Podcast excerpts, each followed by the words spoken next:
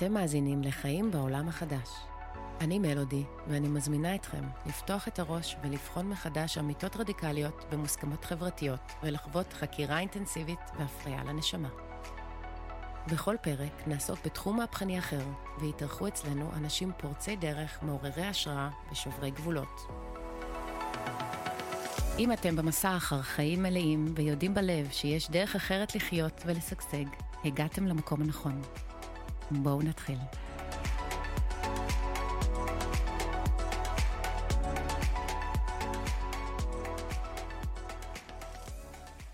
בוקר טוב, וכיף שאתם פה שוב אחרי איזו הפוגה קצרה. חשבתי שזה יהיה מאוד uh, מעניין ומיוחד להביא את uh, רונן גפני ליום של Christmas. Uh, ואומנם זה לא החג שלנו, אבל יש איזה משהו כזה חגיגי באוויר, וכמו שאנחנו חוגגים חנוכה, וזה ככה להדליק את האור, להאיר את האור, אז גם אה, חברינו, בני דודינו הנוצרים היום אה, מעלים את התדר. וחשבתי לעצמי, אני הרבה זמן מחכה כבר אה, לארח את רונן גפני, כיוון שכש... אני, הפודקאסט שלנו פה זה חיים בעולם החדש, ואין, אני חושבת, מישהו שיותר מדבר את זה ומדבר את המונחים ואת היסודות ואת ה infrastructure של העולם החדש, אה, כמו רונן גפני. ונתקלתי בו ממש ממש במקרה, איכשהו מישהו תייג אותי באיזשהו פוסט שהוא כתב, אני כזה וואו, לא ידעתי שאתה קיים, ואנחנו גם שנינו פה בפרדס חנה, אז אנחנו גם ממש שכנים.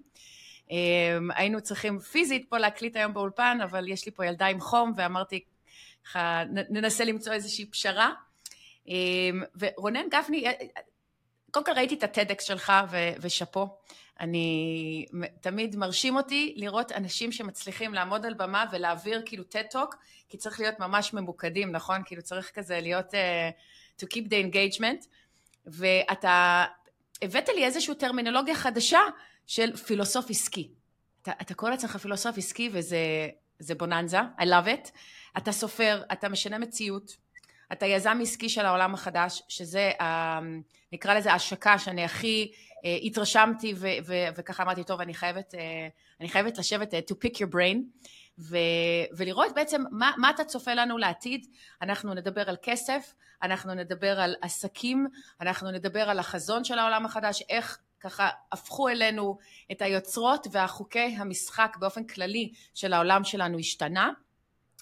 קראתי לפרק הזה יוצרים כסף ביחד, עולם הכלכלה החדש, כי אני חושבת שברגע שאנחנו נפרום ביחד תכף אמ, את, את כל הפרדיגמות והאמונות השגויות, או, או כל מה שאנחנו בעצם גדלנו על פיו, אמ, כל, כל המוסדות, כל החינוך גם הפיננסי ו, וככה אמ, נקרא לזה אקדמאי אולי שכולנו קיבלנו, האחד הוא בעצם מותאם לעולם הישן, הוא מבוסס על תחרות, זאת אומרת שאם אני, יש לי משאבים, אז זה בעצם בא על חשבונך, שאנחנו לא יכולים ביחד, וזה הביא אותנו למקום מאוד אינדיבידואל, אינדיבידואלי, מאוד סוליסטי, מאוד בודד, אה, ומאוד קשה בעיניי, כי אנחנו יצורים חברתיים במהות שלנו.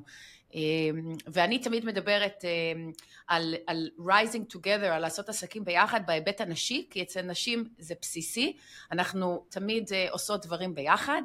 אמ, בעוד שגברים, אני תמיד דמיינתי שזה ככה משהו יותר אה, סוליסטי, שיש לך איש עסקים, והוא יכול לעבוד עם עוד אנשי עסקים, אבל אתה בעצם אומר לא. חוקי המשחק השתנו, אנחנו אה, עכשיו בשביל להצליח בעולם החדש, אנחנו בעצם עברנו מעידן הייצור, נכון? לעידן היוצר. אז בוקר טוב רונן, ממש אה, עונג שאתה כאן, תודה רבה. ומאיפה זה מתחיל אצלך? זאת אומרת, מתי אתה בכלל מתחיל להגיד את השני מילים האלה, עולם חדש? זאת אומרת, מתי אתה מבין שאנחנו בעצם עברנו מאיזשהו timeline מסוים, ואנחנו... צועדים למשהו אחר שהוא חדש, שהוא לא איזשהו שכלול של היום, אלא שהוא ממש מודל אחר לגמרי. אה, אוקיי, אז קודם כל בוקר טוב, כיף להיות פה. ואני חושב שאת יודעת, תמיד, אה, תמיד ראיתי את העולם, הסתכלתי עליו באיזושהי זווית מסוימת, והבנתי שמשהו אחר יכול להיות אה, לא פחות רלוונטי, אם לא אפילו יותר רלוונטי ויותר מעניין. אז אני לא חושב שיש איזו נקודה שבה אני עברתי לעולם החדש, אני לא חושב שיש איזושהי נקודה שבה אנחנו נעבור לעולם החדש, אני חושב שכל אחד יכול לבחור לעשות את המעבר הזה. אני חושב שיהיו אנשים שייתקעו גם אה, עוד 40 או 50 שנה בעולם הישן וימשיכו לעשות דברים כמו שהם נעשים, יהיו, יש אנשים שכבר היום עושים דברים אחרת לגמרי, ויש את כל האמצע. את יודעת, כל אחד יעבור מתי שהוא יחליט ש... שהוא מבין את החדש. שהוא מיצה? משרת, כן, שזה, שזה משרת אותו יותר, שהוא מבין מה לעשות שם, ושבא לו כבר לעשות דברים אחרת. אני חושב שהנקודת מפנה המרכזית אצלי הייתה לפני בערך 20 שנה, שהתחלתי לפתח את המשחק לוח שפיתחתי, שנקרא פרשביז, ו... ושם באמת המטרה המרכזית שלי הייתה להביא איזושהי תפיסה שהעולם העסקי הוא לא מונופול, הוא לא משחק סכום אפס, הוא לא מה שנקרא last man standing game, המטרה שלך זה לגרום לכל האחרים לפשוט את הרגל, זה נראה לי הקונספט הכי הזוי, ומי בכלל רוצה, את יודעת, לקום בבוקר ולצאת לעולם אם המטרה שלך זה לגרום לאחרים להפסיד. אה, זה נראה לי מוטיבציה הפוכה לחלוטין, ואת יודעת, התחלתי לפתח משחק שאומר, רגע, אפשר, אפשר אחרת, אפשר ביחד, אפשר יצירתי, אפשר יזמי, אפשר שיתופי, למה אנחנו צריכים את כל הדבר הזה? אני חושב שהנושא הזה של התחרות בעולם העסקי זה השקר הכי גדול שמכרו לנו, וכל עוד אנחנו ממשיכים להאמין בו, אז אנחנו מבזבזים מלא מלא מלא אנרגיה, ומרחיקים את עצמנו מאוד מאוד מהשפע, ו- ושם התחיל איזה משהו. אתה, אגב, המשחק, אתה, הוא משחק פיזי, אני ככה מספרת לצופים, ממש מגניב. מעל 50 אלף אנשים, אולי המספר השתנה, אבל מעל 50 אלף אנשים בעולם, זאת אומרת, זה משחק גלובלי, אה, משחקים איתו. עכשיו, זה לא רק... אה, אני, אני כאילו מכירה את המילה משחק כמשהו שהוא מתחבר לי לילדות ולמשהו ילדי כזה, ובעצם אתה בא ואומר, כאילו, let's play, אוקיי? אז אם אנחנו בסדר החיים זה סוג של סימולציה, אז let's play, לא צריך לעבוד קשה. והמשחק הזה בעצם אה, ארגונים גדולים, כן, מוכרים, משתמשים בזה לעובדים שלהם, ושבעצם המטרת על זה לפתח חשיבה יזמית, נכון? כאילו זו, זו בעצם, אם אני הבנתי, מטרת היסוד, כי אנחנו לא לימדו אותנו באוניברסיטה, בבית ספר, אה, חשיבה יזמית, אלא נכון, נתנו לנו איזה, היה איזה דוקטרינה של זה מה שאתם צריכים ללמוד, אז זה תיבחנו, ואתם נמדדים על כמה אתם נצמדים למקור, לא איך אתם יוצרים יש מאין, או חדש, או, נכון? זה בעצם, זה לא בתרבות שלנו בכלל, לפתח חשיבה יזמית ויצירתית. כן, בוא נגיד שמערכת החינוך, בטח לאורך uh, עשרות השנים האחרונות, אם לא ה-200 שנים האחרונות, לא מלמד אותנו להיות uh, יזמיים או עם חשיבה עצמאית, חופשית uh, ומשוחררת, אלא את יודעת, זה מתחיל מללמד אותנו להיות uh, פועלים במפעל, אחרי זה מלמד אותנו בעיקר להיות עובדים בארגונים, כל המערכת בנויה שנהיה עובדים טובים, לא שנהיה יזמים טובים, וכתוצאה מזה, את יודעת, מכניסים אותנו לתוך איזשהו מנגנון שהמטרה שלו היא באמת אה, יותר ללמוד לעשות דברים כמו שלימדו אותנו לעשות אותם ולא לערער על המערכת הקיימת. אה, חשיבה יזמית זה יותר כזה מין אוקיי אני, אני רוצה להביא משהו חדש לעולם, איך עושים את זה? אה, מה הנחות הבסיס שיושבות בעניין הזה? האם אנחנו עסוקים בלמדוד נתח שוק וכתוצאה מזה אנחנו עסוקים בלהתחרות באחרים וכל השפה של, ה, של לימודי מנהל העסקים נעים סביב העולם התחרותי והצורך אה, אה, להתחרות והצורך לכבוש שוק וכל השפה היא מאוד מאוד מליטנטית לבין אוקיי אם אנחנו מתנהלים בעולם מתוך מקום של ביטוי עצמי יש מספיק לכולם יש שפע לכולם כשאתה בא ללמוד כלכלה הדבר הראשון שאתה לומד בשיעור הראשון זה מה שנקרא חוק המחסור ומשם בואו נתקדם. אז זה מאוד מאוד מקביל את החשיבה שלנו למה באמת אפשרי בעולם. אה, בטח בתקופה האחרונה שאנחנו עוברים מהעידן הזה של הייצור שבו השוק שילם לנו את הפרמיה הכי גבוהה על היכולת שלנו לייצר הרבה מאותו דבר כן. אה, לעולם שבו באמת הפרמיה משולמת על, ה, על היצירתיות, על היזמות, על החדש, על השונה, זה... על הערך. שם אנחנו עוברים. זה, לא, זה כאילו יותר איכותי מאשר כמותי. כן, זה לא על עצם היכולת שלי לעשות מכוניות בפס ייצור, שעל זה שילמו לנו בתחילת המאה הקודמת, אלא זה היכולת שלי לעשות כן. דברים שהם יותר יצירתיים, שהם יותר מתאימים לזמנים המשתנים, זאת אומרת הנושא של היצירתיות, הוא מקבל את קדמת הבמה כי כבר פיצחנו את הייצור, כולם יודעים לייצר, את יכולה לייצר נעליים, אני יכול לייצר נעליים, אף אחד מאיתנו לא יעשה את זה בבית שלו, ולאף אחד אין יתרון על אף אחד אחר בלעשות נעליים. אה, אם תצליחי לעשות אר ג'ורדן, יש לך יתרון, אבל לא כי הצלחת לייצר נעל שאף אחד לא הצליח לייצר, אלא כי בנית איזשהו מותג או הבאת איזושהי חדשנות. אז זה מה שמעניין בתוך התהליכים שקורים היום בעצם.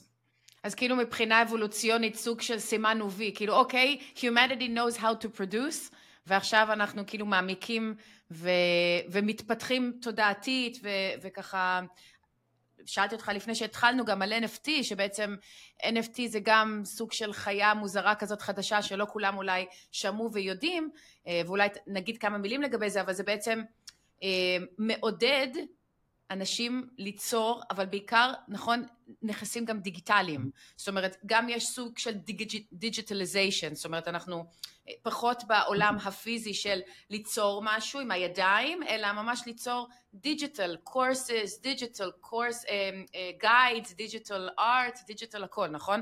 זה כאילו גם המעבר הזה, שאנחנו גם רואים, את ה-digital age. כן, זה לגמרי חלק מה... את יודעת, מהתהליכים גם הטכנולוגיים שקורים, אבל גם התודעתיים שקורים, שבעצם באים ואומרים לנו, תשמעו, אם חשבתם שהמשאבים שלכם מוגבלים, כי אתם עסוקים בלחצוב אה, זהב ומתכת מהאדמה, אז לא. אז אתם יכולים גם לייצר עולם ערך שלם שהוא בביט, בביטים במחשב, והוא דיגיטלי לחלוטין, וכל מה שהוא מצריך זה, אה, זה שרתים, ואולי הוא עולה לכם קצת אנרגיה, אבל אין מה להשוות בין זה לבין אה, הצורך בלצאת לעולם ולתפוס קרקעות או מחצבים.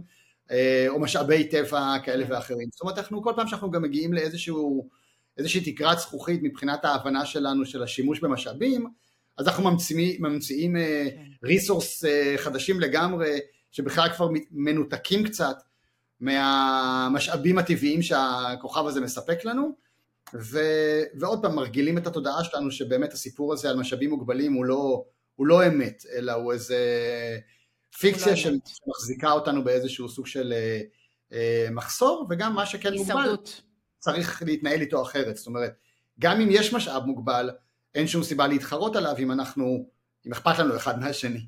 אנחנו נמצא את הדרך לעבוד איתו נכון, נכון. ביחד. אה, אז התודעת מלחמה הזאת כן. היא, היא המיותרת בעיניי כבר.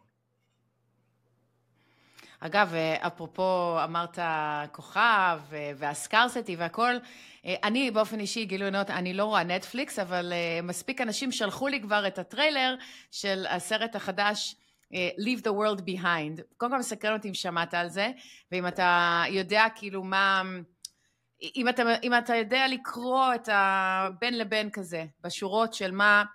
ש, שמכניסים לאנושות את הקונספט הזה של עזבו אתכם, כל מה שפה אין מספיק, אתם, אתם מפליצים, זה גורם לפחמן דו-חמצני ואתם צריכים לשלם carbon tax credits ו, ו, והרצון הזה להכניס אותנו לתוך, אה, לתוך ערים גדולות ולהוריד אותנו, לנשל אותנו כזה, אתה יודע, מהחיי כפר, שאנחנו כבני אדם נועדנו לזה, זאת אומרת, אני מדברת על זה המון, על החשיבות שלנו ב... עצים סביבנו וטבע ולדרוך על האדמה ולשתות מים חיים ולהיות בשמש והכל. ובעצם יש איזו מגמה פה שאומרת לנו לא לא לא לא לא אתם מזיקים לטבע. בואו תשגרו את עצמכם לענן ותהיו עם המשקפת virtual reality.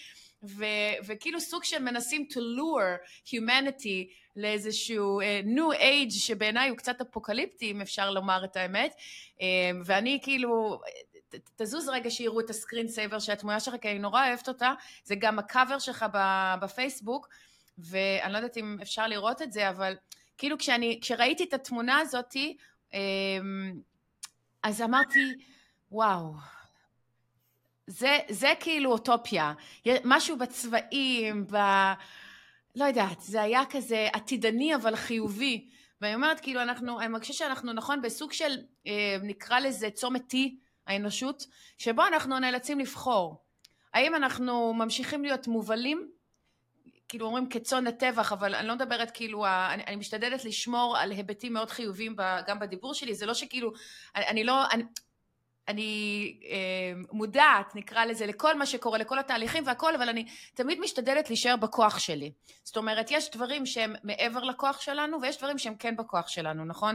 יש דברים שאנחנו אה, כיחידים יכולים לבחור להיות חלק מהתנועה הזאת של יצירת החדש, בעוד שהישן נקרא לזה מתפרק לו, מתקמפסט לו ו- ויוצר איזושהי מציאות אלטרנטיבית שהיא לא לטעמנו או לטובתנו. אז בוא נדבר רגע שנייה על, קודם כל על, ה, על, ה, על ה, מה זה הכלכלה החדשה בהיבט שלך, כזה אם אתה יכול לפשט את זה, שאנשים יבינו מה זה אומר ביום יום שלהם, אוקיי? נגיד הם רוצים לעשות את השינוי, הם רוצים אה, ממש להיות השפעה ולהיות, להתברג כאילו בתוך ה... הדבר החדש הזה שנוצר, אז איך עושים את זה? זאת אומרת, מה, במה זה בא לידי ביטוי? מה, עכשיו אם אני אקנה ביטקוין, או עכשיו אני אקנה NFT, אז זה אומר שאני חלק מהכלכלה החדשה? איך יוצרים את הכסף ביחד? איך, איך זה בא לידי ביטוי?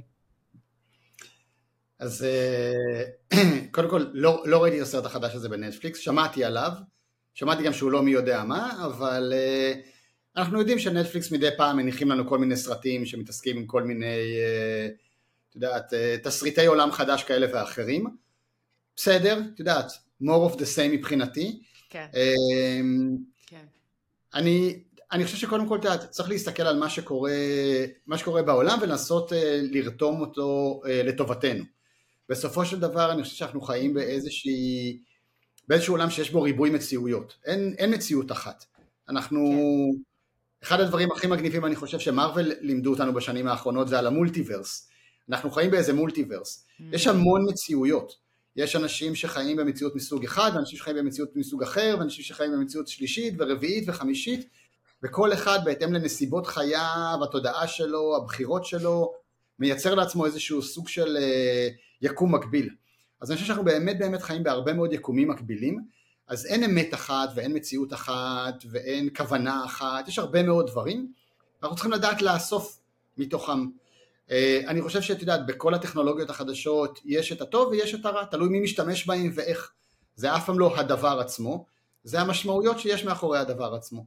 אה, לחיות בערים אה, צפופות שבהם יש 20 מיליון אנשים יכול להיות מעולה ויכול להיות משמים, אוקיי? זה יכול להיות כלא אורבני וזה יכול להיות מרכז תרבות ומפגש הכי עשיר ומגניב בעולם, זאת אומרת אני גם יכול לחיות על ארבעה דונם לבד באיזה חווה ולפגוש אה, עשרים אנשים במהלך חיי ואני יכול לחיות באושר התרבותי של מנהטן ו- וליהנות מכל רגע. כן. אני חושב שהיכולת שה- לבחור היא המפתח. יודעת, קודם כל לחלק מאיתנו מתאים כן. לגור כן. בארבעה דונם באיזושהי פינה ולפגוש עשרים אנשים בחיים שלנו ויש אנשים שמתאים להם העושר התרבותי, הכלכלי, החברתי של צפיפות של, אה, של עיר שבה באמת אתה יכול להוליד דברים שאתה לא יכול לעשות בשום מקום אחר. זאת אומרת, אם באמת גם כולנו היינו פזורים במרחקים כאלה גדולים. אז יש בחירה חופשית בעצם. גם, בסוף יש בחירה חופשית ואנחנו צריכים לבחור את מה שנכון ומתאים לנו. אה, אם כולנו היינו גרים על, אה, את יודעת, על דונם אדמה פזורים ברחבי העולם, אז כנראה שלא היו הרבה בתי קולנוע ואז לא הייתה תעשיית סרטים ולא היינו יכולים אה, לספר סיפורים בדרך אחרת וכנראה שגם לא היינו מקימים אה, הרבה מאוד מהדברים שאנחנו מקימים היום ולא היו כנראה מוזיאונים ולא היו אה, תיאטראות כן. כי לך תקבץ... יש בעצם את ההפריה הזאת. נכון, ההפריה הזאת היא מאוד מאוד משמעותית, את יודעת, אותו דבר לגבי מטבעות דיגיטליים, אותו דבר לגבי NFT, אותו דבר לגבי כל טכנולוגיה, אנחנו יכולים להשתמש בה לטובתנו ואנחנו יכולים להשתמש בה כנגדנו, זה באמת תלוי מי מחזיק בה ואיך, ואיך משתמשים בה. אז בעיניי זה אף פעם לא הדבר עצמו. זה מאוד חשוב. זה, כן. זה, מי, זה מי משתמש בה ואיך אנחנו משתמשים בה. אמ, אז, אז בסופו של דבר הרעיון זה שאנחנו נחזק את הסוברטי האישי שלנו, את הניהול העצמי שלנו, את הבחירה החופשית שלנו, וביחד עם הקהילות של אנשים שדומים לנו או רוצים דברים דומים כמונו, נשתמש בטכנולוגיה הזאת כדי לבנות את החיים שאנחנו רוצים. אחד. אחת הדרכים. אתה אגב חלק מקהילה כזאת ביחד, נכון? אני חלק מהרבה קהילות נכון. כאלה. כן, שעושות מיזמים של עולם חדש, שרוצות סוג של מפגשים של mm-hmm. לב אל לב וחיבור אנושי, שרוצות יצירה משותפת, שרוצות באמת להיטיב עם החברים בקהילה הזאת, ולעשות דברים מגניבים ביחד, זו, זו בסופו של דבר המטרה. אה, כשזה יהיה מאוד משמעותי, את יודעת, וכשזה באמת יהיה הכלכלה החדשה, וזאת תהיה הדרך שבה אנשים מבינים שהם רוצים לנהל את חייהם, אז גם הפוליטיקה שלנו תשתנה מן הסתם והכלכלה שלנו תשתנה מן הסתם. לגבי הנושא של הכלכלה, אז באמת אני מאמין שאנחנו נעים לכיוון של כלכלת היצירה המשותפת. מה שבעצם בא ואומר... מה שאתה תראי, קורא co-creation. נכון, co-creation economy. זה... קרתה תופעה מאוד מעניינת בקורונה. ומה שקרה בקורונה זה תופעה שנקראת ההתפטרות הגדולה, The Great Resignation, אה, את מן הסתם מכירה את זה, ואני חושב שרוב האנשים מכירים את זה, ואם הם לא מכירים את זה בדיוק בשם הזה, אז הם מכירים את התופעה שמלא מלא מלא אנשים... או ההתפטרות השקטה או משהו כזה, כן. אחרי זה זה כבר נהיה השקטה, ואחרי זה זה נהיה כל מיני, אבל בהתחלה זה היה הגדולה, זאת אומרת, משהו כמו 40 מיליון אמריקאים כן. עזבו את מקומות העבודה שלהם. עוד כמה עשרות מיליונים כן, ברחבי זה, העולם. זה היה דרסטי. זו תופעה מאוד מאוד מעניינת להסתכל עליה. זאת אומרת, אמ, קרה פה משהו שהוא מאוד counter uh, intuitive למה שקורה, למה שאמור לקרות בתקופה של uh, מגפה. את יודעת, יש לך מגפה עולמית שהעולם מעולם לא חווה אותה, את אמורה לראות או את מצפה לראות התנהגות שבה אנשים נאחזים במקומות העבודה שלהם, לא משחררים את מקומות העבודה שלהם, ו, ופתאום עשרות מיליוני אנשים ברחבי העולם מתפטרים מהעבודה שלהם. עכשיו, גם אם בהתחלה זה קרה כי שפכו עליהם מלא כסף, אוקיי? לא בארץ, אבל במקומות אחרים בעולם שפכו עליהם מלא כסף, וזה קצת כן. הקל עליהם. בסופו של דבר, גם אם שופכים עליך מלא כסף, אם אתה אוהב את מה שאתה עושה, אתה לא ממהר להתפטר כל כך מהר. אז עלתה שאלה מאוד מעניינת, למה, אנש, למה אנשים עשו את זה? וכשאתה מסתכל טיפה יותר לעומק, כן. אתה אומר, אוקיי, מה שקרה בקורונה זה שפתאום אנשים היו סגורים בבית, מישהו הרים את האמברקס על העולם המשוגע הזה שאנחנו חיים בו, התחלנו להסתכל על דברים טיפה אחרת, יודעת, חלק מה, מהאנשים ראו את הילדים שלהם באור יום פתאום, זה היה נראה נחמד, חלק יצאו אה, החוצה ופתאום חיבקו איזה עץ ואמרו וואי נחמד דווקא הטבע, בואו נתחבר לטבע, חלק מהאנשים, את יודעת, התחברו פתאום לתחביבים שלהם, התחילו לעשות עוד דברים עם הזמן הפנוי שלהם, אמרו אולי אפשר לחיות את החיים אחרת, אולי המרדף האינסופי הזה אחרי חמישה ימי עבודה בשביל לחיות אולי איזה יום רגוע אחד בוויקנד, אולי זה לא מודל מנצח, אולי הגיע סופו של המודל הזה, ומשהו מעניין התחיל לקרות שם, זאת אומרת כמות מאוד מאוד גדולה של אנשים באה ואמרה, אני רוצה להמשיך להיות יצירתית ויצרנית ולהביא ערך לעולם, אבל בוא, בוא נחליף את מערכת ההפעלה, בוא נמצא דרך אחרת לעשות את זה. כן, לא במתכונת ו... הנוכחית הזאת. בדיוק. ואצלי זה עורר את הנושא הזה של היצירה המשותפת, להגיד אוקיי, איך אפשר לעשות את זה אחרת?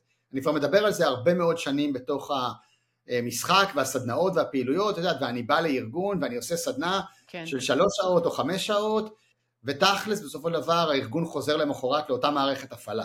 לא מכיר אף חברה גדולה שעשיתי בה mm. הסדנה והם קמו למחרת ואמרו יאללה הבנו בוא נפרק את ההיררכיה, בוא נעבוד יותר בצ'יל, בוא נשים את הבן אדם במרכז, בואו לא נמדוד, בוא לא נמדוד התפתחות, אוקיי? בואו לא נמדוד צמיחה כלכלית שלנו.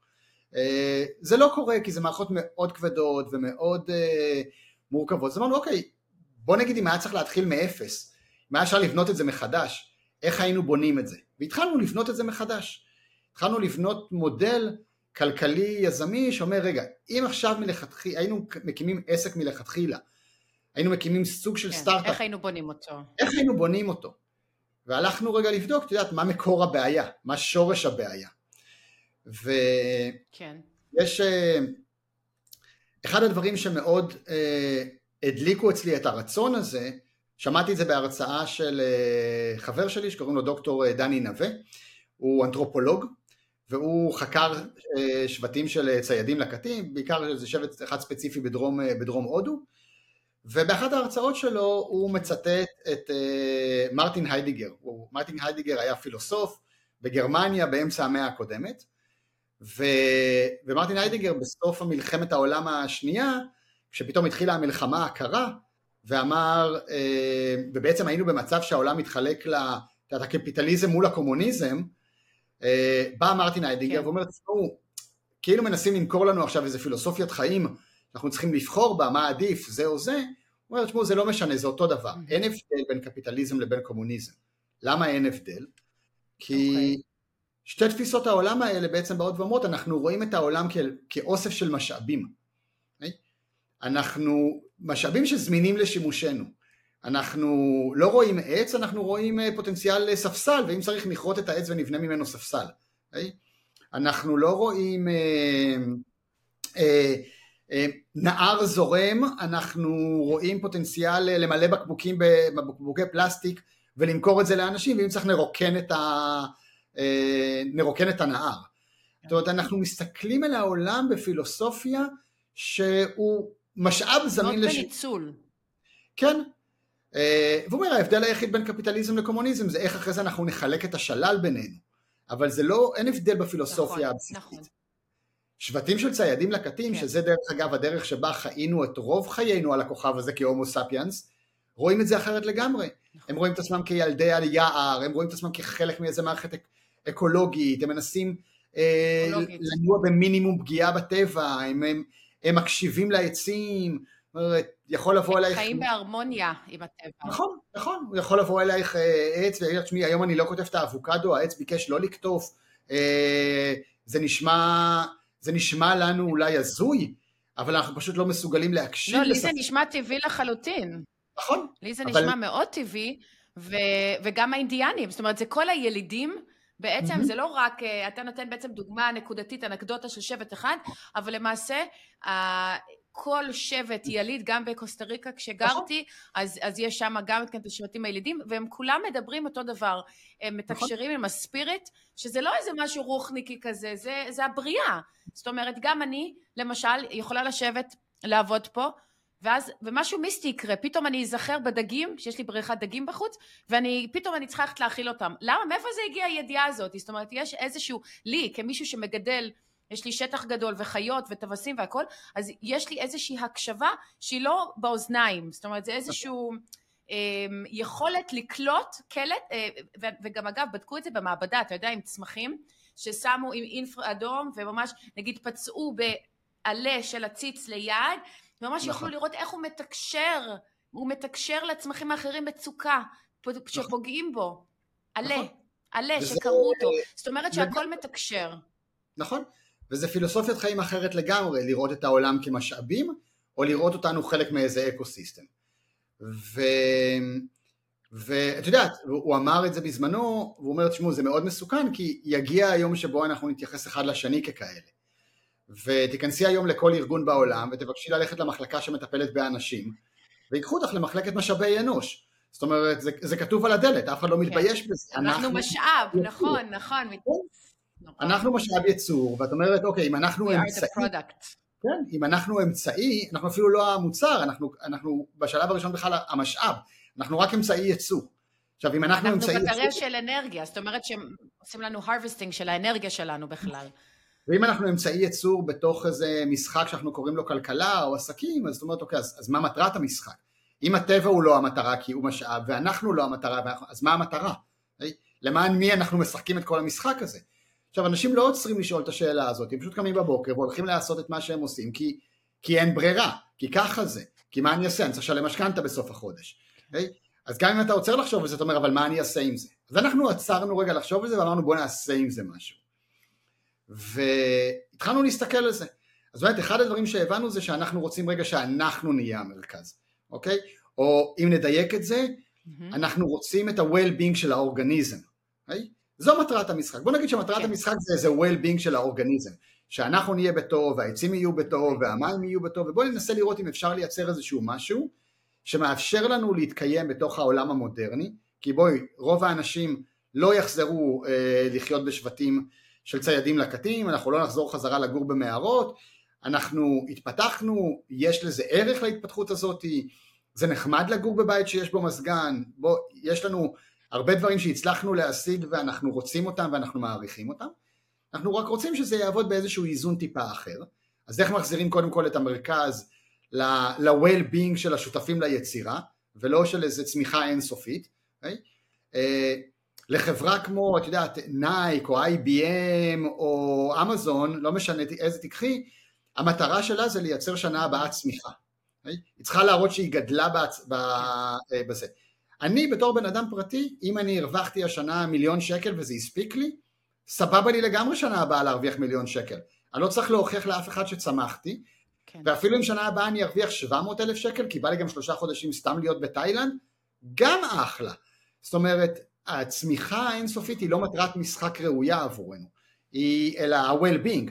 אז אם ה-well-being שלי זה לנוח שלושה חודשים ולעבוד uh, תשעה חודשים, או להוריד את יוקר המחיה שלי בגלל סיבות כאלה ואחרות, כי אני רוצה לגור במקום יותר זול בעולם, או אני רוצה עכשיו, לא יודע, נולד לי תינוק אה, חדש ואני רוצה להיות איתו יותר בבית, ופחות עכשיו אני עסוק בנסיעות לחו"ל, אז, אז אני אתאים את ההכנסה שלי לצרכים שלי, זו תנועה יותר טבעית. מאשר חייבים לצמוח, חייבים לצמוח, חייבים לצמוח, חייבים לצמוח.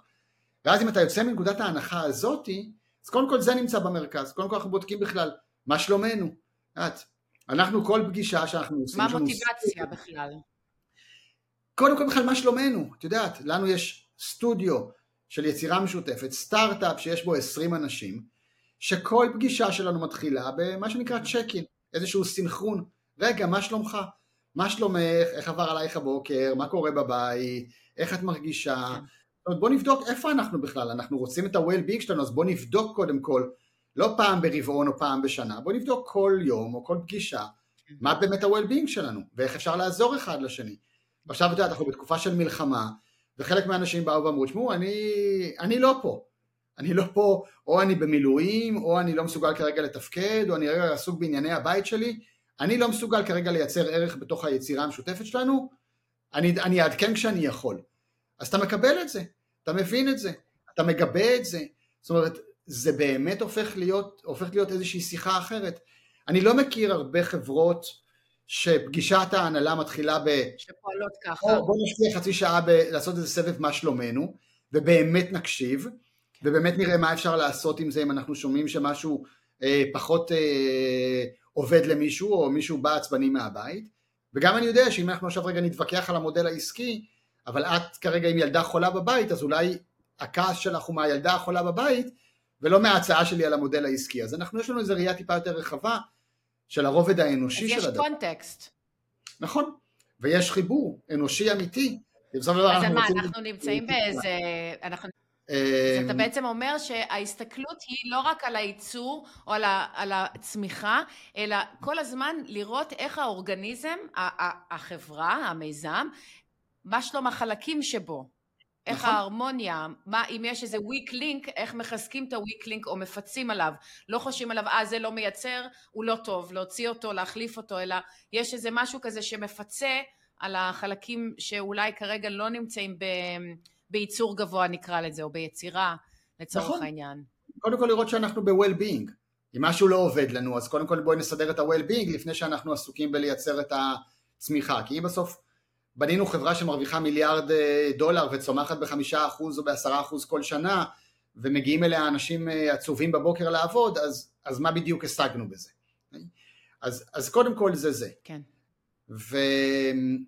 ואז גם הסתכלנו, אוקיי, אז בואו נשים רגע את ה-well-being שלנו במרכז, או של כל האורגניזם הזה במרכז, ואם אפשר גם של הטבע ושל כל מה שאנחנו משתמשים בו ו- ועובדים איתו, אה, אבל בואו נבדוק מה עוד גורם לנו להיות באיזה, יודעת, פחד או חרדה או, או סטייה מהקו שלנו בתוך התהליך הזה, ו, והבנו שהכלכלה המודרנית שאנחנו חלק ממנה, היא מה שנקרא כלכלת חוב. היא מבוססת מאוד מאוד על חוב. וכשאתה מבסס אותה על החוב, ושוב, כשאני אומר חוב, אני לא מתכוון ל... אה, לקחתי הלוואה מהבנק ועכשיו אני חייב לבנק אה, כסף, אלא אנחנו במערכות יחסים מבוססות חוב. זאת הכוונה. זאת אומרת... כן, זה ממש תודעת חוב. גם, נכון, גם כי... ההתנהלות של אתה שילמתי לי, אני חייבת לך. נכון, זאת אומרת, תראי, לדוגמה, אם עכשיו אני רוצה להקים סטארט-אפ, אוקיי? ומה שאנחנו עושים ביצירה המשותפת כן. כרגע, אנחנו מפתחים איזושהי תוכנה שמיועדת לקהילות, אנחנו מפתחים מוצר שהוא אה, קהילות 3.0 ואנחנו מלמדים אנשים יצירה משותפת, יש לנו מוצר טכנולוגי, אנחנו סטארט-אפ כמו כל סטארט-אפ אחר, רק אנחנו אוהבים להגיד שאנחנו הדבר הבא אחרי סטארט-אפים, אוקיי? זאת אומרת, מה, שאלנו אותנו מה המודל הבא אחרי סטארט-אפ, אוקיי? לא מה הסטארט-אפ הבא הכי מגניב, אלא מה הדבר המגניב הבא אחרי סטארט-אפים. כי יש משהו בתוך העולם הזה של סטארט-אפים שהיה מאוד מגניב בתחילת שנות האלפיים ולאט לאט איבד קצת מה... מהקסם שלו. את יודעת, יש לי כל מיני חברים סטארט-אפיסטים שלא בדיוק הייתי שמח להתחלף עם איכות החיים שלהם. כמות הלחץ mm. שהם נמצאים בה, השעות המטורפות שהם עובדים, הצורך האינסופי הזה לרדוף אחרי איזה אקזיט, או אפילו אחרי הגיוס הבא, רק כדי שנוכל להמשיך להתקיים, כן. זה לא ה-well-being שקיווינו אליהם. אני לא מכיר הרבה סטארט-אפיסטים. שאתה שואף. ש... שכן, את יודעת, שמובילים איזה חברת סטארט-אפ ויכולים להגיד לעצמם, טוב, אני עכשיו יוצא לאיזה שלושה חודשים לתאילנד, נדבר בעוד שלושה חודשים, נראה מה יהיה. אין להם את הפריבילגיה הזאת. נכון. אז, אז אמרנו, רגע, למה? מה, מה קרה? מה, איפה, איפה פספסנו? ו... ואז את מסתכלת רגע על המודל של סטארט-אפ, ואת אומרת, רגע, כדי להקים סטארט-אפ, מה אני צריך לעשות? אני קודם כל צריך ללכת ונגיד להביא, להביא משקיע, בסדר? כי אני צריך לשלם לעובדים משכורת. אז אני צריך כסף קודם. בדיוק, אז אני צריך כסף. אז מה עושים רוב הסטארט-אפים? עסוקים בפיץ', פיץ', פיץ', פיץ', פיץ', פיץ', פיץ', עד שמצליחים לגייס כסף, אוקיי? הצליחו לגייס כסף. מה בעצם קרה? הם הבטיחו למשקיע שלהם נגיד 20% מהחברה, והוא הבטיח שהוא יעביר להם אה, מיליון דולר לחשבון בנק. אז כבר נוצרה לנו איזושהי מערכת יחסים מסוימת של חוב. Okay? אוקיי? כי אני עכשיו נכון. נתתי לו 20% מהחברה, הוא חייב לי את הכסף, ברגע שהוא עשה את הטרנזקציה של הכסף אני חייב לו תשואה, okay? אני לא יכול יום אחרי זה לבוא ולהגיד יאללה ביי, אני שלושה חודשים בתאילנד. ובעצם נוצרה כאן איזושהי מערכת יחסים של חוב, כשעוד לא נוצרה יחידת ערך אחת בעולם. ואז אני בא לאיזה מתכנת, ואני אומר לו, תשמע, בוא, בוא תעבוד איתי. אני אשלם לך משכורת, אז יצרתי חוב, אני חייב לשלם לו משכורת. מהכסף שלו. בדיוק, והוא עכשיו חייב לי מה? מה קניתי בעצם? את הזמן שלו. את היכולות, את הזמן שלו. כן, בעיקר את הזמן שלו.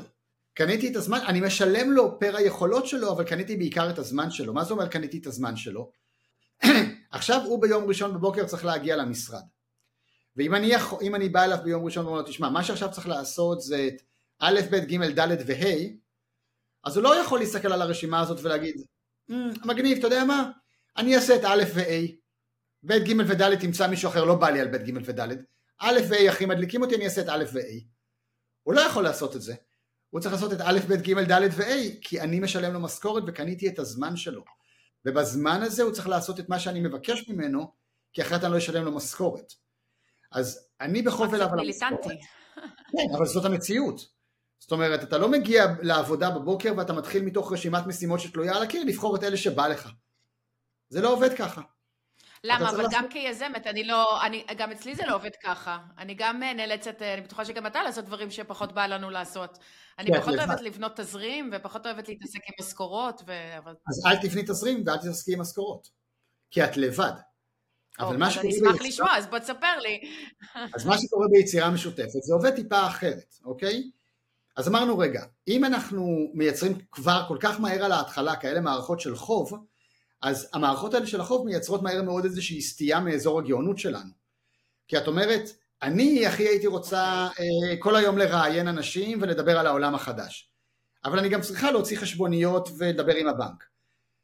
למה את צריכה? כי זו משימה שצריכה להיעשות. למה לא בא לך על זה? כי זה ממש לא באזור הגאונות שלך.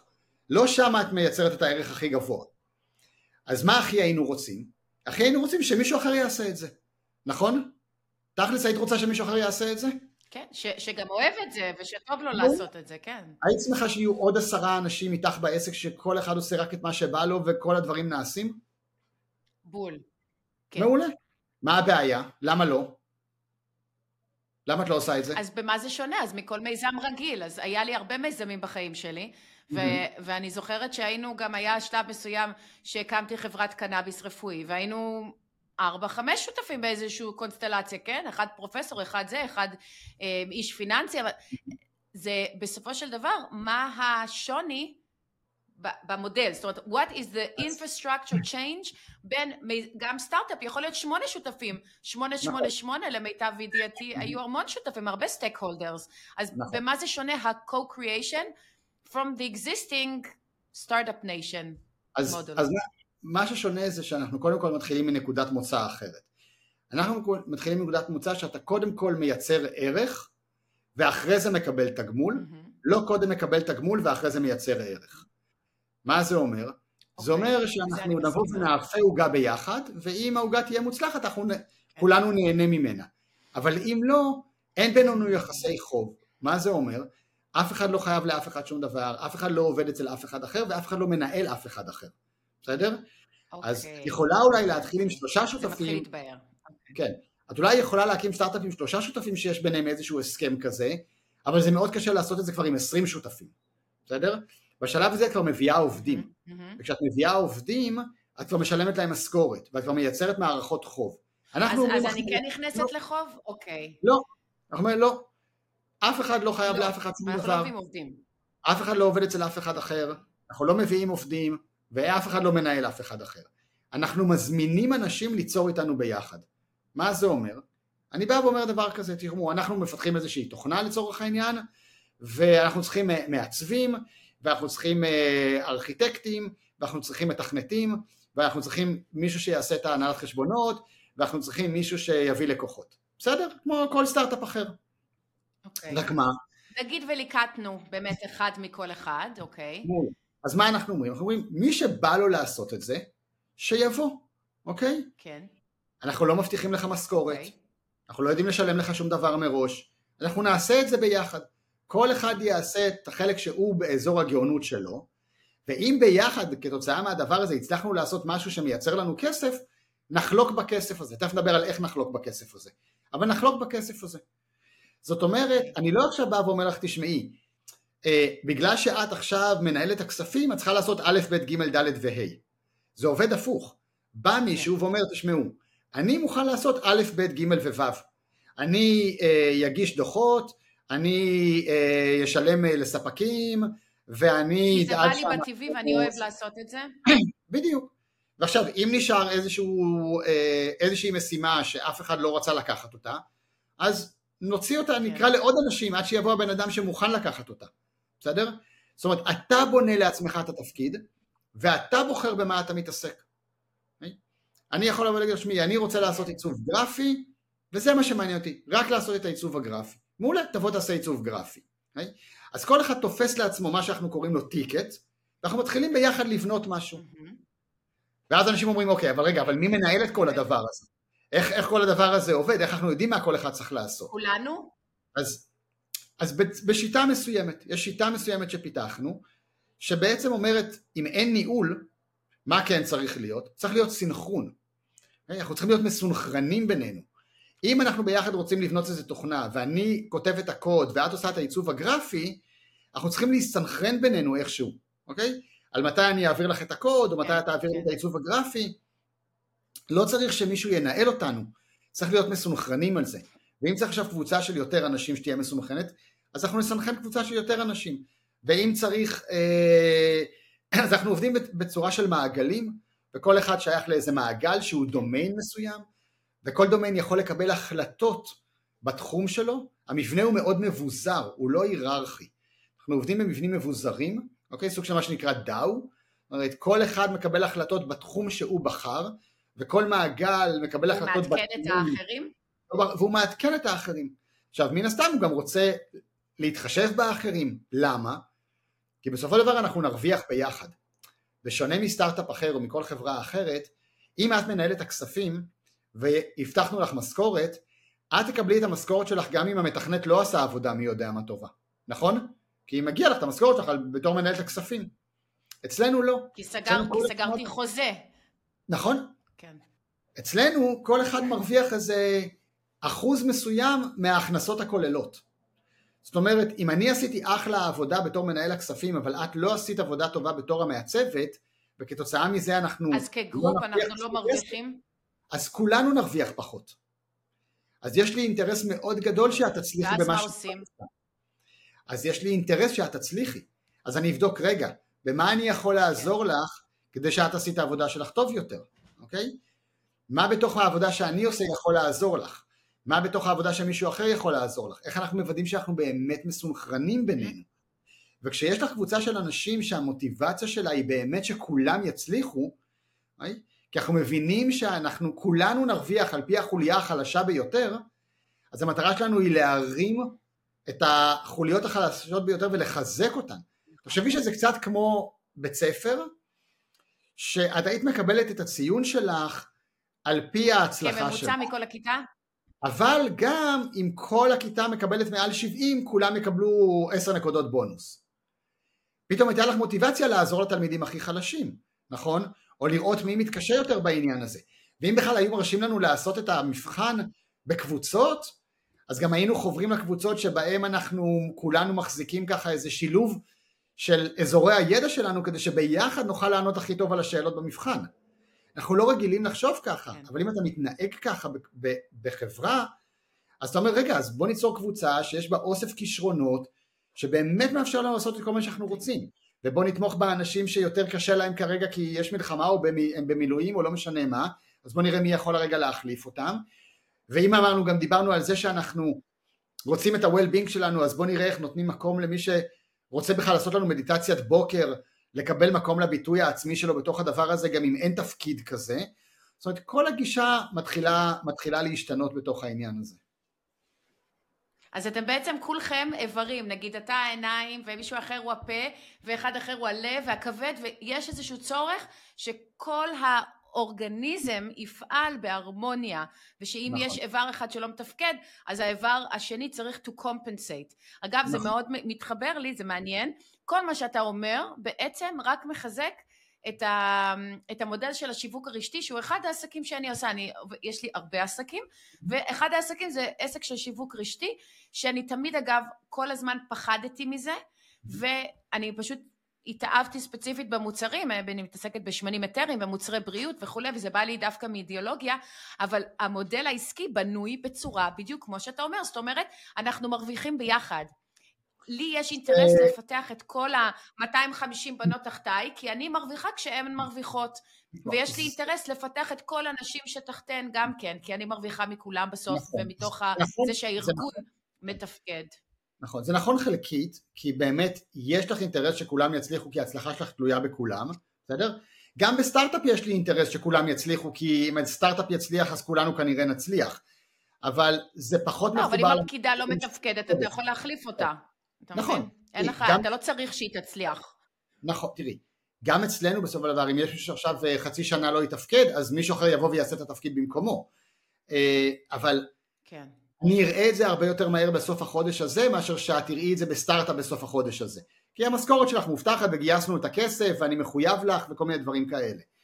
בשיווק רשתי נכון, את הרבה יותר מחויבת להצלחה של האנשים שלך, ההבדל המרכזי בין זה לבין שיווק רשתי, את יודעת, וגם הייתי בעולמות האלה ויש לי שותפים בחו"ל שאני מביא להם אה, תובנות מתוך מה שאנחנו עושים לתוך ארגונים של שיווק רשתי. ההבדל בשיווק רשתי זה ששיווק רשתי מבוסס הרבה על שכפול, כולם עושים את אותו דבר. אנחנו כן. עובדים הפוך, כן. אנחנו עובדים על אזור גאונות. לבקש מכולם לעשות את אותו דבר זה בהכרח אומר שחלק מהאנשים לא יעשו את אזור הגאונות שלהם. כי חלק טוב בלהביא את האנשים, וחלק טוב בלהציג את המוצרים, וחלק טוב בלגבות את הכסף, וחלק טוב בלהסביר על המוצר, וכל אחד טוב במשהו אחר.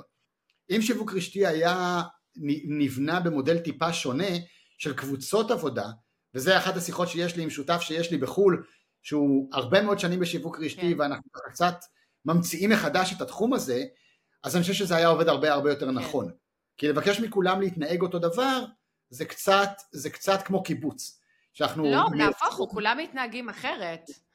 נכון, כולם אבל... אחרת, ואני גם, האזור גאונות שלי זה לדעת במה כל אחד טובה. זאת אומרת, יכול להיות שאחת לצורך העניין אמ, מאוד טובה בלספר לחברות והכל, אבל אין לה בכלל עניין לנהל את האתר שלה ואת הזה ואת הבונוסים.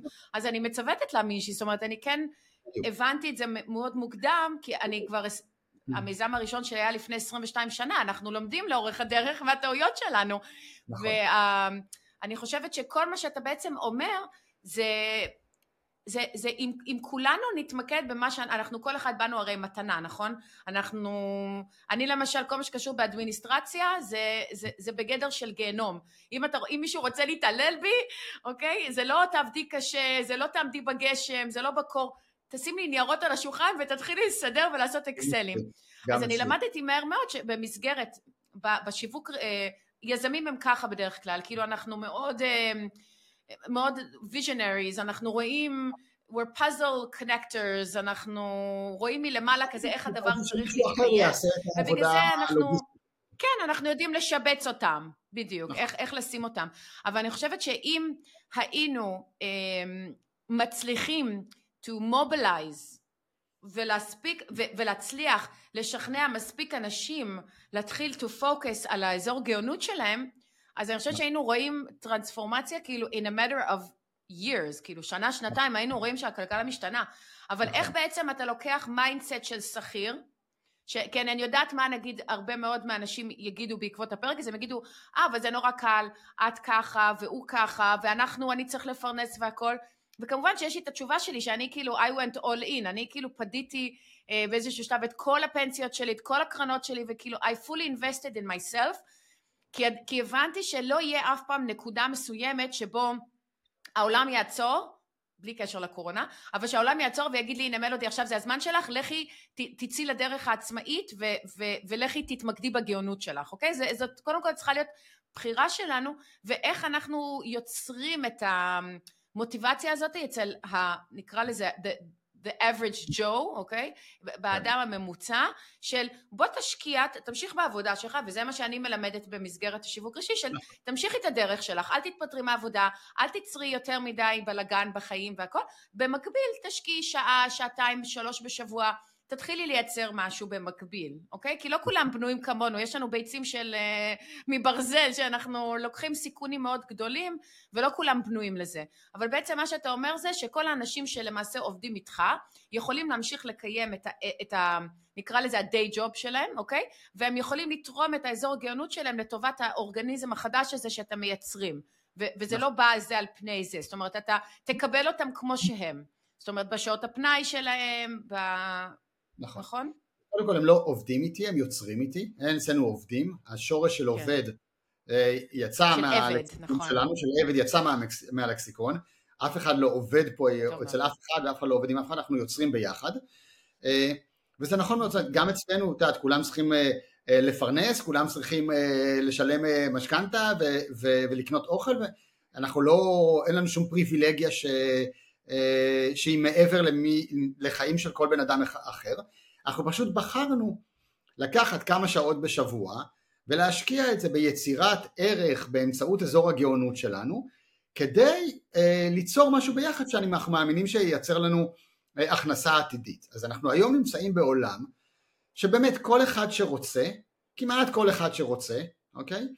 יכול להקדיש כמה שעות בשבוע בלעשות את הדברים שהוא באמת באמת אוהב. אנחנו במילא עושים את זה. אז חלק מהאנשים משקיעים את הזמן הזה בלבשל יותר, וחלק מהאנשים משקיעים את זה בלראות סרטים בנטפליקס, וחלק עושים את זה בלשחק כדורסל, זה לא משנה. אנחנו היום כבר למדנו... אבל זה לא יצירה, כאילו חלק מהדברים שאמרת, הם לא, הם לא מוגדרים כיצירה. אני אומר שיש לנו את הזמן היום להקדיש כמה שעות בשבוע לדברים שהם לא הפרנסה שלנו, אוקיי? אנחנו עושים את זה בכל אוקיי. מקרה. אנחנו כבר חיים בעולם שבו כן. אנחנו יודעים לעבוד לפרנסתנו כמות שעות מסוימת ולקחת עוד כמה שעות ולעשות עם זה משהו אחר. עכשיו אם במשהו אחר הזה אני עכשיו אה, רואה נטפליקס או במשהו אחר הזה אני משתמש בכישרון שלי כמעצב גרפי או כאדריכל או כרואה חשבון ובונה עם זה משהו עם אנשים אחרים, מהמם. עכשיו, מה הבעיה עד היום? זה שבאמת אם היית רוצה לעשות את זה, מה שהייתי צריך לעשות, הייתי צריך להיות סוג של פרילנסר או יזם. אוקיי? או שאתה באמת מקים משהו, וזה יש מעט אנשים שיש להם כן. את כמות האנרגיה והכישרון והסבלנות להקים משהו מאפס, כן. וגם רוב האנשים לא בהכרח יכולים לקחת את, את הדיי ג'וב שלהם ולהפוך אותו ל, אה, לעבודה שהיא פרילנסרית.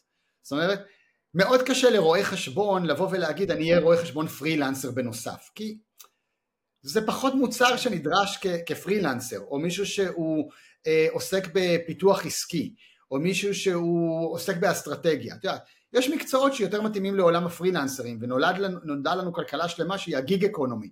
אז אתה יכול לעשות עיצוב גרפי, אתה יכול לעשות copywriting, אתה יכול לעשות דברים מהסוג הזה, אבל לרוב המקצועות זה לא מתאים. רוב המקצועות באמת מתאים להם להיות חלק מקבוצה. ואין עד היום מודל כזה. אם אני רואה חשבון ואני אומר סבבה אני רוצה באחרי הצהריים להקדיש כמה שעות לדבר הזה, לאן אני אלך? לאיזה כן. אתר בדיוק אני אחפש?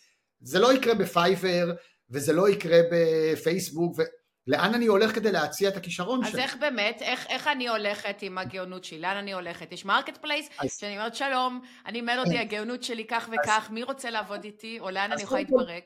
בקרוב יהיה marketplace, עוד אין, אנחנו בונים את זה, אבל כן, אנחנו באנו ואמרנו, שמעו, אנחנו עושים משהו, בשביל המשהו הזה אנחנו צריכים את האנשים האלה והאלה והאלה והאלה והאלה, מי רוצה לבוא? אנחנו עשינו קריאה, קודם כל לחברים שלנו, ואחרי זה באמצעות הכלים שיש לנו, יש לנו פודקאסט ואנחנו מספרים, אנשים אומרים וואי שמעתי בפודקאסט אפשר גם לבוא ו- וכל מיני, ואנשים מגיעים, אנחנו עושים קריאה, הזמנה.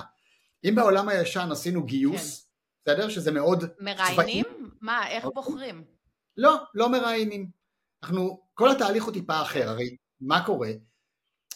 בעולם הישן אנחנו, אנחנו בעולמות של גיוס, בסדר? אני כאילו, עכשיו יש לי מילואים, נכון. אנחנו מגייסים אנשים.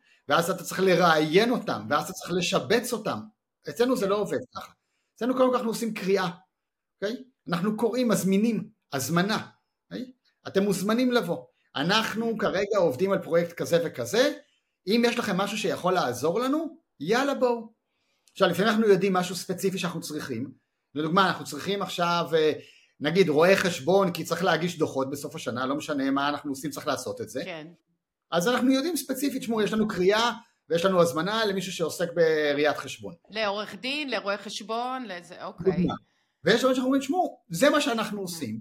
אם מה שאתם עושים נשמע לכם כמשהו שיכול להביא לנו ערך, בואו דברו איתנו, בואו נשמע. אנחנו לא בהכרח יודעים הכל, יכול להיות שמישהו יבוא ויגיד, שמעו, אחלה מה שאתם עושים, אני יודע לעשות לכם פיתוח עסקי בדנמרק. מגניב, לא חשבנו שאנחנו צריכים את זה, אבל אם אתה יודע לעשות את זה, יאללה בוא, מה, מה אכפת לנו? תייצר ערך, תגדיל את העוגה, נרוויח ביחד, אין שום בעיה. אבל מה, יושבים כולם ביחד, יושבים כולם around the round table, מגיע, מגיע מלודי, שלום, אזור הגנות שלי ככה וככה, ואז אתם מתדיינים ביניכם, האם אני התאמה טובה, לא, איך זה מתבצע לא. בפועל? או באים ארבע מלודי, איך בוחרים? אני רק, אתם רק צריכים אחד.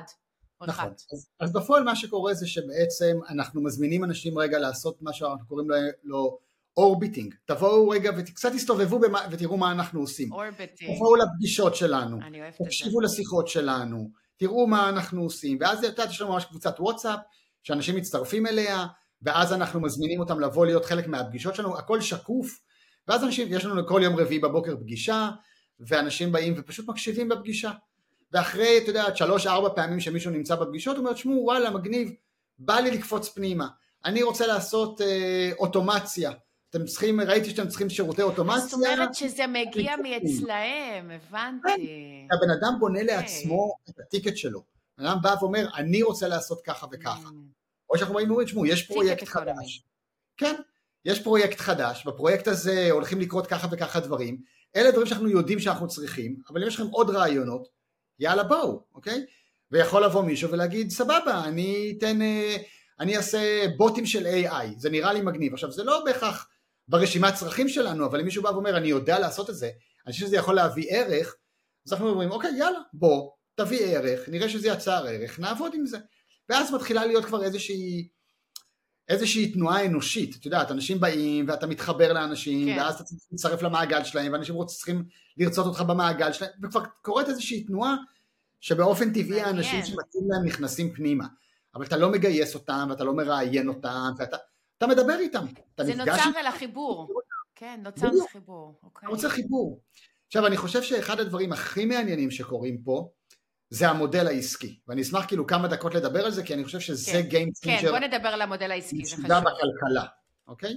כי עד עכשיו זה נחמד, את יודעת, אני יכול לקחת עכשיו את העסק שלי, להגיד אוקיי, אני מזמין עוד עשרה אנשים וביחד ניצור משהו ואני לא צריך לשלם להם משכורות ואם נגדיל את העוגה אז כולנו נרוויח וזה מאפשר להמון אנשים לעשות scaling לעסקים שלהם או בכלל היכולת לצאת לדרך עם רעיונות יזמיים בלי הצורך לגייס כסף, זה מדהים. תראי, אנחנו סטארט-אפ של 20 אנשים שאין לו משקיעים, אין לו ברן רייט, אנחנו לא שורפים כסף כל חודש, את יודעת, יש לנו אולי הוצאות קבועות של איזה 200 דולר על כל מיני תוכנות שעשינו להם מנוי, וזהו. כן. אז אורך הנשימה הוא הרבה יותר ארוך. מה, לא פרש מסכים ביס, כשאתה אה. מדבר על המיזם שלך, אני עושה את זה לדוגמה גם עם FreshBiz או עכשיו. שזה יותר אני- גדול? זה יותר גדול, אנחנו אוקיי. מדברים עכשיו על, על המוצר הזה של. אנחנו עושים כפרים דיגיטליים. אנחנו עושים... של אה, ה market place. בדיוק, כפרים דיגיטליים לקהילות שבהם אנשים נפגשים בדרך חדשה, זה משהו מגניב, אולי נעשה על זה פרק בהזדמנות, זה משהו סופר מגניב. יש. עולם כן, חדש כן. של עולם של קהילות. מרחב, כן, מרחב דיגיטלי שבו נפגשים ועובדים, כי אנחנו היינו צריכים מקום כזה. אז בנינו כזה מקום עבורנו, ופתאום גילינו שזה מוצר מדהים לקהילות, ו- וזה המוצר שלנו. אבל בכלל, כל בן אדם שיש לו רעיון, פתאום יכול להזמין אנשים ליצור איתו ביחד, והוא יכול להקים את, ה- את הסטארט-אפ שלו בלי שהוא צריך לגייס כסף ממשקיעים. תראי, כמה אנשים אנחנו מכירים שיש להם אחלה רעיונות, אבל זה לא מתאים למודל של לגייס כסף ממשקיעים. זה לא רעיון טכנולוגי בכלל, אנשים לא יודעים לגייס כסף, זה עוד לא זה, וגם אם גייסת מיליון דולר, הם נשרפים לך תוך uh, כמה חודשים אם אתה לא יודע להתנהל נכון, וה, והאנשים נורא יקרים. מצד שני יש כל כך הרבה כן. אם אנשים אתה לא יודע לבנות תזרים טוב. נכון. מצד שני יש כל כך הרבה אנשים בעולם שישמחו לעשות את אזור הגאונות שלהם כמה שעות בשבוע בשביל להיות חלק ממשהו משמעותי. בא להם להיות חלק מזה. למה? בגלל המודל העסקי. ובואו נדבר כמה דקות על המודל העסקי. בסדר? יש לנו כמה דקות לדבר על זה? אוקיי. יש לנו, יאללה, זה, זה הכי חשוב, זה כאילו ה bottom line עכשיו. נכון. אז פה יש משהו ממש ממש מגניב. הכנסנו לתוך המודל הזה משהו שנקרא חוזים חכמים. זה מגיע מעולם הקריפטו. אוקיי, smart contract. smart contract מגיע מעולם האיתריום, מה שאיתריום הביאו לעולם ה... שברגע שתנאים מסוימים מתקיימים, כן. אז כסף מהארנק שלי יעבור לארנק שלך. אוקיי? אז לצורך הדוגמה, נכון. נגיד שאני רוצה לעבוד עם איזה אשת יחסי ציבור, ואני אומר לה, תשמעי, אם. השם שלי יופיע בעיתון שלוש פעמים במהלך ינואר, קחי עשרת אלפים שקל, בסדר? אנחנו כותבים את זה לתוך שורת קוד. אוקיי. אומרים, אוקיי, תרוץ על העיתונים האלה והאלה והאלה והאלה. והאלה. בדיוק. תבדוק אם השם רונן גפני מופיע. אם השם גפני, רונן גפני מופיע שלוש פעמים במהלך ינואר, תעביר מהארנק שלי לארנק שלה עשרת אלפים שקל. תפקיד לה כסף. זהו. Once עשינו okay. את החוזה אוקיי. החכם הזה, אני לא יכול לבטל אותו, את לא יכולה לבטל אותו, אני לא יכול להגיד לך, תשמעי, לא, התכוונתי בעיתונים האלה והאלה, ולא האלה והאלה, התכוונתי גודל כותרת כזאת. אני לא מבסוט, לא, אני זה. זה לא נראה לי, אם כתבנו נכון את החוזה, זהו, זה יקרה. זה מהמם. Mm. למה? כי אנחנו יכולים לעבור לכלכלה שבה אנחנו יכולים באמת לייצר רמת קשרים הרבה הרבה יותר חכמה, בסדר? איך זה בא לידי ביטוי אצלנו? אנחנו באים ואומרים, תשמעו, אנחנו עובדים על חוזים חכמים. מה זה אומר? אתן לך דוגמה. בואי נגיד שאתה מתכנת בגוגל, בסדר? ואני עכשיו בתור מתכנת בגוגל, כתבתי אלגוריתם שמייצר לגוגל 100 מיליון דולר בשנה. יש אנשים כאלה בעולם כנראה, שכתבו קוד בגוגל או בפייסבוק הזה, שמייצרים מלא מלא כסף בשנה. ועכשיו, אחרי שנתיים, עזבתי את גוגל, אוקיי? כמה גוגל תמשיך לשלם לי אחרי שעזבתי? כלום. כלום, נכון? אלא אם כן יש לך אופציות. כן, אבל לרוב האנשים בעולם אין אופציות. אז עזבתי מקום עבודה, ואני לא אמשיך לקבל משכורת, למרות שמה שעשיתי ממשיך לייצר ערך. אז עכשיו נשאלת שאלה מאוד מעניינת. לאן הולכים. אני אוהבת את לאן שאתה לוקח את זה. לאן הולכים המאה מיליון דולר בשנה שגוגל עדיין ממשיכים להרוויח מהקוד שאני כתבתי? לאן הם הולכים? לכיס. לגוגל, נכון? אז אנחנו מהר מאוד מייצרים פערים מאוד מאוד גדולים. גוגל נהיים מאוד מאוד מאוד עשירים, ואני צריך בעבודה הבאה שלי עוד פעם להתחיל מאפס. אם אני עכשיו חצי שנה לא אעבוד, חצי שנה לא ייכנס לי כסף, בסדר? מעט מאוד אנשים, שכבה מאוד לא, מאוד... ואת, אז אתה בעצם רק מתוגמל לזמן. בדיוק, קניתי את הזמן. ואז המוטיבציה שלי היא להחזיק את הכיסא כמה שיותר זמן, לא לייצר כמה שיותר ערך. נכון. אז אני בתור גוגל מפסידה על זה שאני עכשיו צריכה להביא לך שולחן וכיסא ומחשב, למרות שאתה כבר מזמן איבדת מוטיבציה, ואתה כבר מזמן לא מייצר לי ערך. ואני צריך להביא לך מנהל שיכניס בך מוטיבציה, כי אתה כבר בלי מוטיבציה, ואני צריך להזמין את רונן גפני שיעשה סדנאות של מוטיבציה, כי כבר כולם איבדו מוטיבציה, וכל המעגל הזה, כי אתה לא מוכן לתגמל אותי על הערך שיצרתי והלכתי. אנחנו עושים משהו אחר. אומרים, תשמע, נכון. יצרת ערך, בוא נחבר חוזה חכם לערך שלך. לא לכיסא שלך, כן. לערך שלך. נגיד אני מעצב נכון. גרפי, עכשיו עשיתי עיצוב גרפי לאיזה כפר דיגיטלי כזה. עבדתי על זה חודש, בסדר? הכפר הדיגיטלי עם הלקוח ימשיך להרוויח נגיד עשרת אלפים דולר בחודש, אוקיי? אני את העיצוב שלי כבר עשיתי, כן. אני לא צריך להמשיך לעשות אותו, אוקיי? הכפר ממשיך לייצר לי ערך, מכל מיני סיבות. בוא נשאיר לי איזשהו חוזה חכם שממשיך להכניס, לייצר לי הכנסה על מה שבניתי שמייצר ערך. אז אם נגיד אני הרווחתי שלושה איקס מכל העוגה בחודש שעשיתי את העיצוב הגרפי, תן לי גם איזה איקס שנתיים קדימה. תן לי שנתיים קדימה איזשהו איקס מסוים. בסדר? חצי איקס, איקס, לא משנה מה. במקום שהחברה תיקח את כל המאה מיליון דולר, בואו נחלק אותו לכל האנשים שיצרו את הערך. בסדר? במילא אין לנו משקיעים, אנחנו לא צריכים להחזיר להם את הכסף, אין לנו זה. אנחנו צריכים לחלק את זה רק בינינו. ואז מגיע מצב, נכון. שאולי היום אני נותן שעות שלי בחינם בשביל לבנות משהו, אבל אני אוכל בתוך שנתיים או שלוש להיות במצב שהחזקתי כל מיני טיקטים בכל מיני יצירות, היצירות האלה ממשיכות להניב לי הכנסה פסיבית מהכישרון אתה, שלי. אתה עושה בדיוק את מה שאני מלמדת, ליצור ריבוי מקורות פרנסה שנובעים מתוך הגאונות שלנו, זה בדיוק, בדיוק. מה שאתה עושה, זה מבריק. עכשיו, ואז, תחשבי, אנחנו היום חיים בעולם שאנשים לא עובדים במקום אחד כל החיים שלהם, וגם לא בארבע קריירות כמו שחשבנו לפני 15 שנה שיקרה. אנשים בתקופה היצירתית, יצרנית שלהם, יהיו מעורבים בעשרות אם לא מאות פרויקטים. ותחשבי שבכל פרויקט כזה יש לך איזשהו חוזה חכם שהולך איתך איזושהי תקופה. אז פה אתה מרוויח איזה 200 דולר בחודש לשנתיים הקרובות, ופה איזה 2,000 דולר בחודש לחצי שנה הקרובה, ופה איזה 700 דולר בחודש לשש שנים הקרובות, תלוי בפרויקט ותלוי בערך שיצרת. אבל אז אתה קם יום אחד בבוקר בעוד שנתיים או שלוש, ואתה מבין שאתה מתחיל את החודש עם 4,000 דולר. להתחיל את החודש עם 4,000 דולר שנכנסים לך מערך שיצרת פעם, זה הרבה יותר נעים מאשר להתחיל מאפס. עכשיו אני באמת יכול לנסוע לאיזה שלושה חודשים לתאילנד. עכשיו גם אם מישהו ירים לי טלפון ויגיד, שמע, זוכר שעבדת בפרויקט הזה והזה, אני אמצב גרפי, גפני, גף, גרפי שמחליף אותך, אבל אני אשמח שתעזור לי עם איזה משהו, אתה לגמרי תשמח לעזור לו כי אתה עדיין מרוויח מהפרויקט ההוא שממשיך להתקיים. אתה רוצה לעזור לבין האנשים שממשיכים את היצירה שלך. אז אנחנו בונים כלכלה הרבה יותר בריאה. מבוססת על חוזים חכמים. שהיא גם ערבה, אנחנו בעצם ערבים אחד לשני כבר. ערבים אחד לשני, אנחנו בונים נכסים שמבוססים על הכישרון שלנו. תראי, גם את היום מלמדת, וגם כל האנשים שמלמדים הכנסה פסיבית, מה אנחנו עושים? אומרים לאנשים, תיקחו את הכסף שהרווחתם מהכישרון שלכם, ותמירו אותו לנכס שלא מבוסס על הכישרון שלכם. תמירו אותו. יקנה זהב או נדל"ן או מניות, שזה לא הכישרון שלי, אבל זה נכס, כי אין מודלים בעולם נכון. של נכסים שמבוססים על הכישרון שלך. אנחנו בונים מודל בעולם שמבוסס על הכישרון שלך, תמשיך לעשות את אזור הגאונות שלך, וזה יהיה ערך בפני עצמו, זה נכס. אתה לא צריך להפוך את זה לדירה, mm. אתה לא צריך להפוך את זה למניות, yep. אתה לא צריך להפוך את זה לזהב, ואתה לא צריך להפוך את זה לביטקוין. פשוט תמשיך לעשות אותך. וככל אתה יכול, לעשות... אבל, אבל אתה בעצם יכול, אה, מרחיב את לא המקורות. אני לא חייב לקנות דירה בשני מיליון שקל בשביל להרוויח עליה אולי שלושת אלפים שקל בחודש, אני יכול פשוט להמשיך לעשות את הכישרון שלי ולהרוויח ממנו שלושת אלפים שקל בחודש. וזה אחלה, והוא ישרת אותי גם אחרי שהפסקתי... זה ממש ממש חשוב. אה? ואני בונה נכסים מניבים. זה מאוד חשוב מה שאתה אומר, נכון. כן. נכסים מניבים. שבעצם הם, מה, אנחנו, שאנחנו המשאב הכי יקר שיש לנו כל החיים האלה, זה אנחנו, זה הכישרון שלנו. בדיוק, שמבוססים על הכישרון שלנו בלי שאנחנו צריכים להמשיך לעבוד. זה נכס מבוסס כישרון, זה לא עבודה מבוססת כישרון. זה נכס מבוסס כישרון. נכס מבוסס כישרון.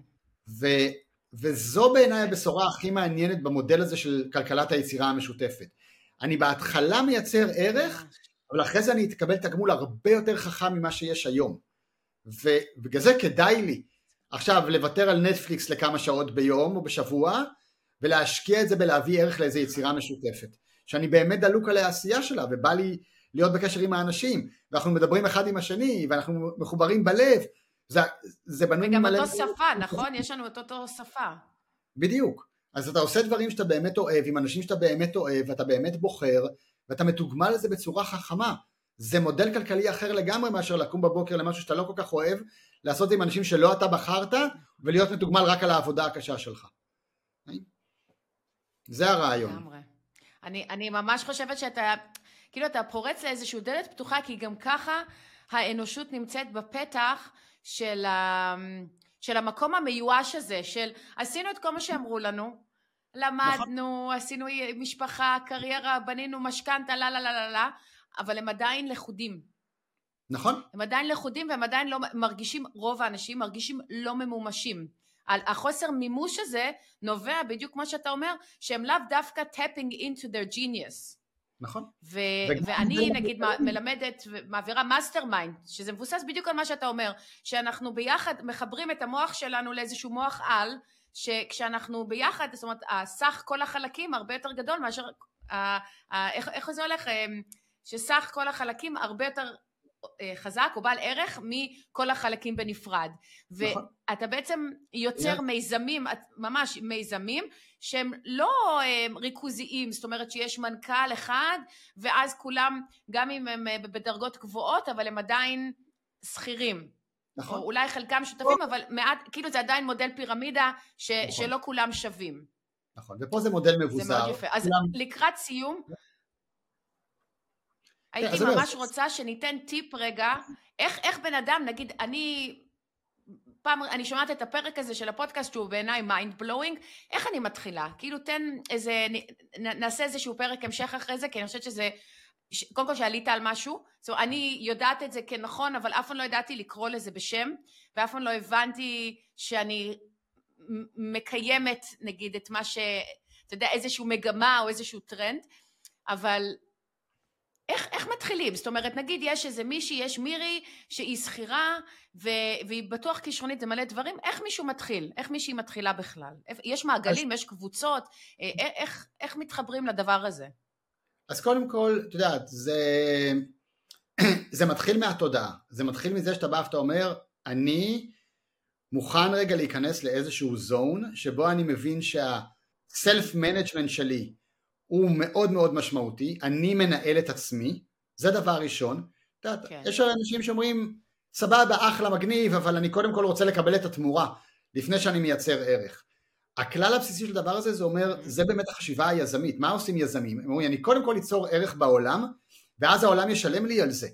אף יזם לא פותח את העסק שלו ואומר, אוקיי, כמה משכורת אני מקבל? ממי אתה רוצה לקבל? העולם לא ישלם לך רק על זה שיש לך כוונה טובה. זה באמת באמת המוכנות לבוא ולהגיד אני קודם כל בא לייצר ערך. אני קודם כל בא לייצר ערך ואז השאלה אוקיי איפה אני יכול לייצר ערך? אז קודם כל שבן אדם יסתכל רגע על אזור הגאונות ויגיד רגע מי מכל האנשים שאני מכיר בעולם יכול להשתמש בכישרון שלי ואני מוכן לתת לו אותו תמורת איזה רווח עתידי? אוקיי? תבוא אתה בתור, בתור רואה חשבון ותבוא לחברים שלך שיש להם חברות תגיד תשמעו רוצים שאני אעשה לכם הנהלת חשבונות? במקום שתשלמו הנהלת חשבונות אני רוצה שני איקס מההכנסות שלכם, וואלה, מודל מעניין. אולי מהדלתא על הרווח העתידי, שאני אצטרך כן. להגדיל? אני מוכן להוריד לכם את ההוצאות תמורת רווח עתידי, מוכנים? אה, אני הרבה פעמים בא לאנשים שאני עושה להם ייעוץ עסקי ואני אומר להם תשמעו למה המודל העסקי שלכם בנוי על הצעת מחיר קבועה? למה לא להציע משהו ולהגיד אני רוצה אחוז מסוים מההכנסות? אתם מעצבי פנים? למה לבוא למשרד ולהגיד לו תשמע זה יעלה לך 40 אלף שקל לפרויקט? למה לא להגיד לו תשמע זה יעלה לך אה, שני אחוז מהגידול בהכנסות שיש לכם במשרד החדש שלכם. רוצים לעשות מודל כזה? בואו נעשה מודל כזה. איך זה יכול לעבוד לכם? אנשים צריכים קודם כל את האומץ בכלל להסכים לתת ערך לפני שהם מקבלים תגמול. אז תסתכלו סביבכם, מי האנשים שיכולים ליהנות מהערך שלכם ותתחילו להציע להם הצעות חדשות.